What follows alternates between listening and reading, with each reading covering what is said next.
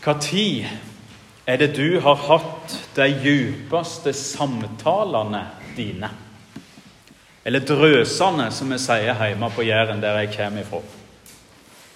Sjøl har jeg som regel hatt de djupeste drøsene om kvelden eller om natta.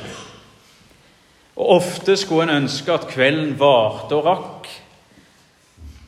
For det er ofte om kvelden eller om natta det skjer spennende ting hvor roen senker seg, og en får tid til å ta seg av det viktige. Hvor støyen fra alt rundt ikke forstyrrer. Hvor kveldsmørket ligger som et beskyttende rom over tanker og ord, og gir nettopp rom for det dype og viktige. På denne siste fastegudstjenesten for i år, hvor temaet gjennom fastetida har vært 'mennesket Jesus møtte', så er turen kommet til Nikodemus. Fariseer og en av de jødiske rådsherrene. Nikodemus er kanskje den eneste fariseeren som kommer noenlunde godt ut av de nytestamentlige skriftene. Og Nikodemus møter vi tre ganger minst, i Johannes evangeliet. Og det er det mest sentrale av disse møtene vi skal se på. Møtet med Jesus om natta. Det er et kjent tekstavsnitt fra Johannes kapittel 3. Vi skal bruke litt tid på å lese derifra i kveld. Men til å begynne med så skal vi lese fra vers 1 til 8 i Jesu navn. Det var en mann som hette Nikodemus. Han var fariseer og satt i rådet til jødene. Han kom til Jesus om natta og sa, 'Rabbi, vi veit at du er en lærer som er kommet fra Gud.' For ingen kan gjøre de teikna du gjør, uten at Gud er med han. Jesus svarer og sa til han, Sannelig, sannelig, jeg sier deg, den som ikke blir født på nytt, kan ikke se Guds rike. Nikodemus sier til Jesus.: Hvordan kan en som er gammel, bli født? En kan vel ikke komme inn i mors liv igjen og bli født andre gang? Jesus svarer. Sannelig, sannelig, jeg sier deg, den som ikke blir født av vann og ande, kan ikke komme inn i Guds rike. Det som er født av kjøtt, er kjøtt, og det som er født av Anden, er ånd. Undra deg ikke over at jeg sa til deg, det må fødes på nytt. Vinden bles dit han vil. Du hører at han suser, men du veit ikke hvor han kommer fra, eller hvor han fer. Slik er det med hver den som er født av Anden. Nikodemus han vil altså møte Jesus, og han kommer til ham om natta. Og Det fins mange tanker om hvorfor han kommer akkurat om natta. Noen peker på at han var fariseer og rådsherre, og derfor ikke ville bli sett sammen med Jesus i dagslyset. Andre de har pekt på at det var varmt i Israel også på Jesu tid, så det å diskutere og samtale om viktige ting og dype teologiske tema, det var greiest når det var litt svalere. Andre de har pekt på at en uavhengig av redsel eller ei, at en i alle fall kunne snakke noenlunde uforstyrra om natta. Så får en tenke det en vil, kanskje. Nikodemus han er annerledes enn mange av sine trosfeller. Han har i utgangspunktet tillit til Jesus og anerkjenner Jesus som en lærer i Israel. I ordet hans til Jesus denne natta hører vi det. Rabbi, vi veit at du er en lærer som er kommet fra Gud. For ingen kan gjøre de teikna du gjør, uten at Gud er med ham. Og slik kan det også se ut for at flere var enige med Nikodemus, slik han uttrykker seg her. Vi veit. Og Nikodemus er interessert i å høre mer fra Jesus. Det viser det tilsynelatende litt underlige svaret han kommer med etter at Jesus har sagt at du må bli født på ny for å se Guds rike. Hvordan kan en som er gammel, bli født? En kan vel ikke komme inn i morslivet igjen og bli født andre gang? Nikodemus var nok ikke så bokstavelig anlagt at han tolka Jesus slik. Det er nok mer en måte å få Jesus til å greie ut på og forklare hva han faktisk mener. Og det funker. For Jesus han fortsetter med å fortelle Nikodemus om helt sentrale ting ved trua. Men hva er det Jesus sier her i går? Ja, Jesus forteller om hvordan vi i det hele tatt kan bli frelst. Hvordan vi kan få fellesskap med Gud. Hvordan vi kan bli Guds barn. Og der ligger det et nøkkelord Guds barn. Barn blir født, og det gjør de ikke sjøl. Livet er ei gave som blir gitt, og slik er også frelse ei gave som blir gitt oss. For å komme inn i Guds rike må en bli født. En må få livet i gave fra noen andre, noen større. Alle som tok imot Han, de ga han rett til å bli Guds barn de som tror på navnet hans, skriver Johannes litt tidligere. Dette er på mange måter helt ulikt Nikodemus og fariserene sine tanker. Hos dem er det loven som frelser. Altså at en lever rett, at en gjør rett etter Guds ord og Guds bud. Et liv som egentlig er ganske slitsomt, og som de og så mange andre erfarer at de ikke klarer å leve opp til. Likevel holder mange av dem fast på at dette er veien. Og slik har mange slitt seg ut, òg i våre dager, ved å prøve å gjøre seg fortjent til Guds rike. Jesus han snakker ikke sånn. Hos han er det gåver som er i sentrum. Jesus sa til Nikodemus.: Sannelig, sannelig, jeg sier deg, den som ikke blir født av vann og ande, kan ikke komme inn i Guds rike. Vann og ande. Det er på mange måter dåpen vi møter her. Vannet som renser mennesker for synd, som vi står rene for Gud. Og anden, som er Guds levendegjørende ande, som skaper mennesket på nytt.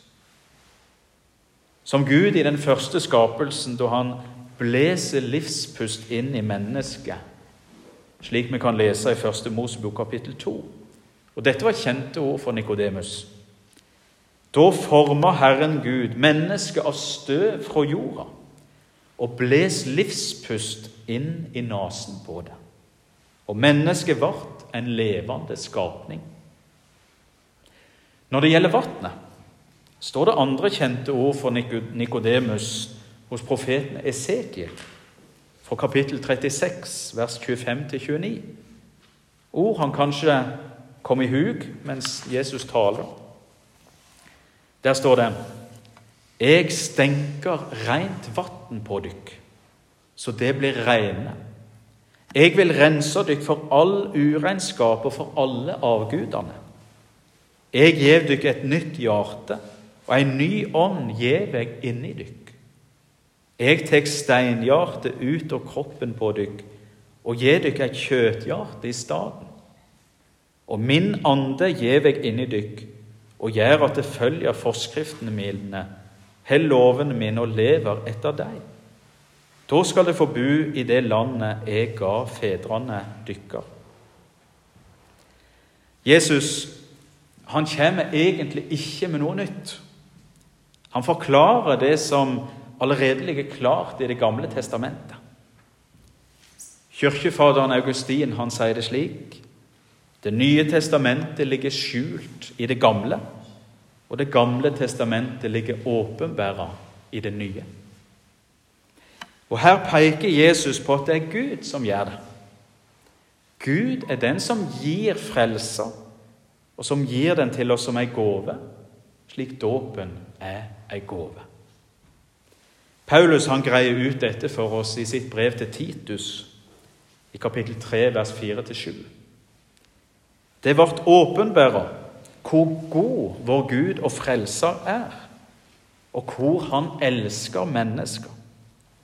Han frelste oss ikke fordi vi hadde gjort rettferdige gjerninger, men fordi han er miskunnsom. Han frelste oss ved badet som gjenføder og fornyer, ved Den hellige ande, som han så rikelig har aust utover oss ved Jesus Kristus, vår frelser. Så vi skulle bli rettferdige ved Hans nåde og bli arvinger til det evige livet, som er vårt håp. Dette er store og viktige ord. Og Vi skal tilbake til det nattlige møtet mellom Jesus og Nikodemus og høre flere store og viktige og dessuten kjente ord. Nikodemus undra seg over dette, hvordan en skulle fødes på nytt. Han undrer seg over hvordan en blir født på nytt av Den hellige ande. Vi leser videre fra Johannes kapittel 3, fra vers 9. Hvordan kan dette gå til? spør Nikodemus. Jesus svarer, Du er en lærer for Israel og veit ikke det. Sannelig, sannelig, jeg sier deg, vi taler om det vi vet, og vitner om det vi har sett. Men det tar ikke imot vitneutsegna vår. Dersom de ikke tror når jeg taler til dere om de jordiske ting, hvordan kan de da tro når jeg taler til dere om de himmelske? Ingen har stiget opp til himmelen uten Han som steg ned fra himmelen, menneskesonen som er i himmelen. Og slik Moses løfter opp ormen i øydemarka, slik må menneskesonen løftes opp så hver den som tror på Han, skal ha evig liv. For så elsker Gud verden, at Han ga Sønnen sin den enbårne. Så hver den som tror på Han, ikke skal gå fortapt, men ha evig liv. Gud sendte ikke Sønnen sin til verden for at han skulle dømme verden, men for at verden skulle bli frelst ved Han. Den som tror på Han, blir ikke dømt. Den som ikke tror, er alt dømt, fordi han ikke har trodd på navnet til Guds enbårne sønn. Her kommer Jesus inn på det helt sentrale i vår tro. Ja, her finner vi til og med det vi kjenner som den vesle Bibel, Johannes 3, 16. Og Her forteller Jesus Nikodemus om det som vi snart skal få gå inn i nå når påskehøytida venter bak palmesøndag. Og Her bruker Jesus helt konkret Det gamle testamentet for å forklare saken for Nikodemus. Slik Moses løfter opp ormen i øydemarka, slik må menneskesonen løftes opp, så hver den som tror på Han, skal ha evig liv, forteller Jesus. Og Han peker tilbake på fortellinga om da Moses i ørkenen, på Guds ord, laga seg en slange som kunne beskytte mot de slangene israelsfolket ble angrepet av. Det kan vi lese om i 4. Mosebok, kapittel 21. Der står det bl.a. slik Da sa Herren til Moses.: Lag deg en serafslange og sett han på ei stang. Alle som blir bitne, skal slå, se opp på han. Da skal de leve. Moses laga en kopperslange og sette han på stanga. Og når noen ble biten av en slange og så på kopperslangen, fikk han leve. Denne fortellinga peker fram mot Jesus sjøl. Alle mennesker er bitt av slangen som i paradis lokker mennesker til fall, til syndefall. Alle mennesker trenger en å se opp mot for å leve. Og nå var han her. For, sier Jesus, så elsker Gud verden at han ga sønnen sin den enbårne. Så hver den som tror på Han, ikke skal gå fortapt, men ha evig liv. Gud sendte ikke sønnen sin til verden for at han skulle dømme verden, men for at verden skulle bli frelst ved Han. Som jeg nevnte helt i starten, så møter vi Nikodemus minst tre plasser i Johannes evangeliet. Sannsynligvis var Nikodemus også til stede da Jesus ble korsfesta. Og mens han sto der, så kom Nikodemus sannsynligvis på noe av det Jesus hadde sagt til han den natta da de møtte hverandre første gang. Slik Moses løfter opp ormen i øydemarka, slik må menneskesønnen løftes opp, så hver den som tror på Han, skal ha evig liv. For så elsker Gud verden, at Han ga sønnen sin den enbårne, så hver den som tror på Han, ikke skal gå fortapt, men ha evig liv. I det nattlige møtet med Nikodemus er det Jesus gir ord til det som blir den vesle Bibel. Ordene som best summerer opp hva den kristne trua sitt innhold er. At det handler om Jesus, om hva han har gjort for oss, så vi skal få livet i gave, det evige livet.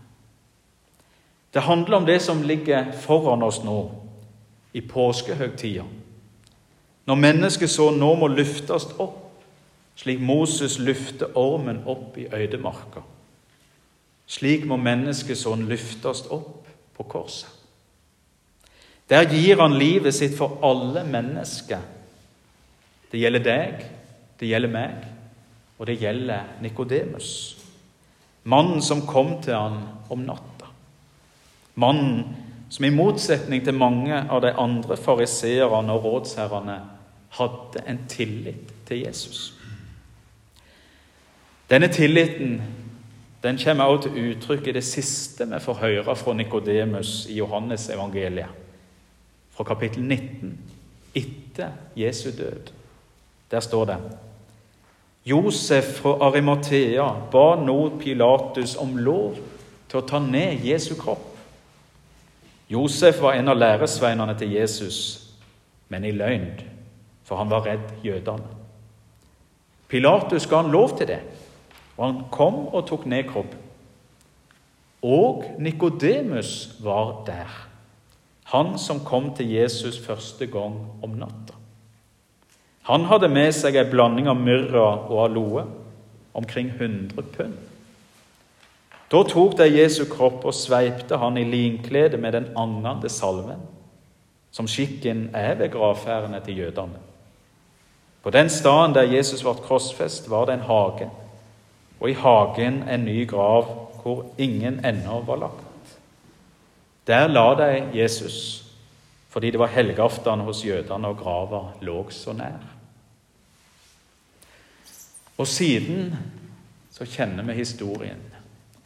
Jesus sto opp. Han sto opp fra grava Josef og Nikodemus hadde stelt til for ham. Og Jeg tror nok kanskje at Jesus viste seg for Nikodemus etter oppstandelsen.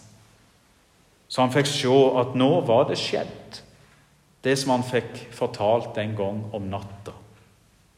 Og nå nå er natt vendt til dag i all evighet.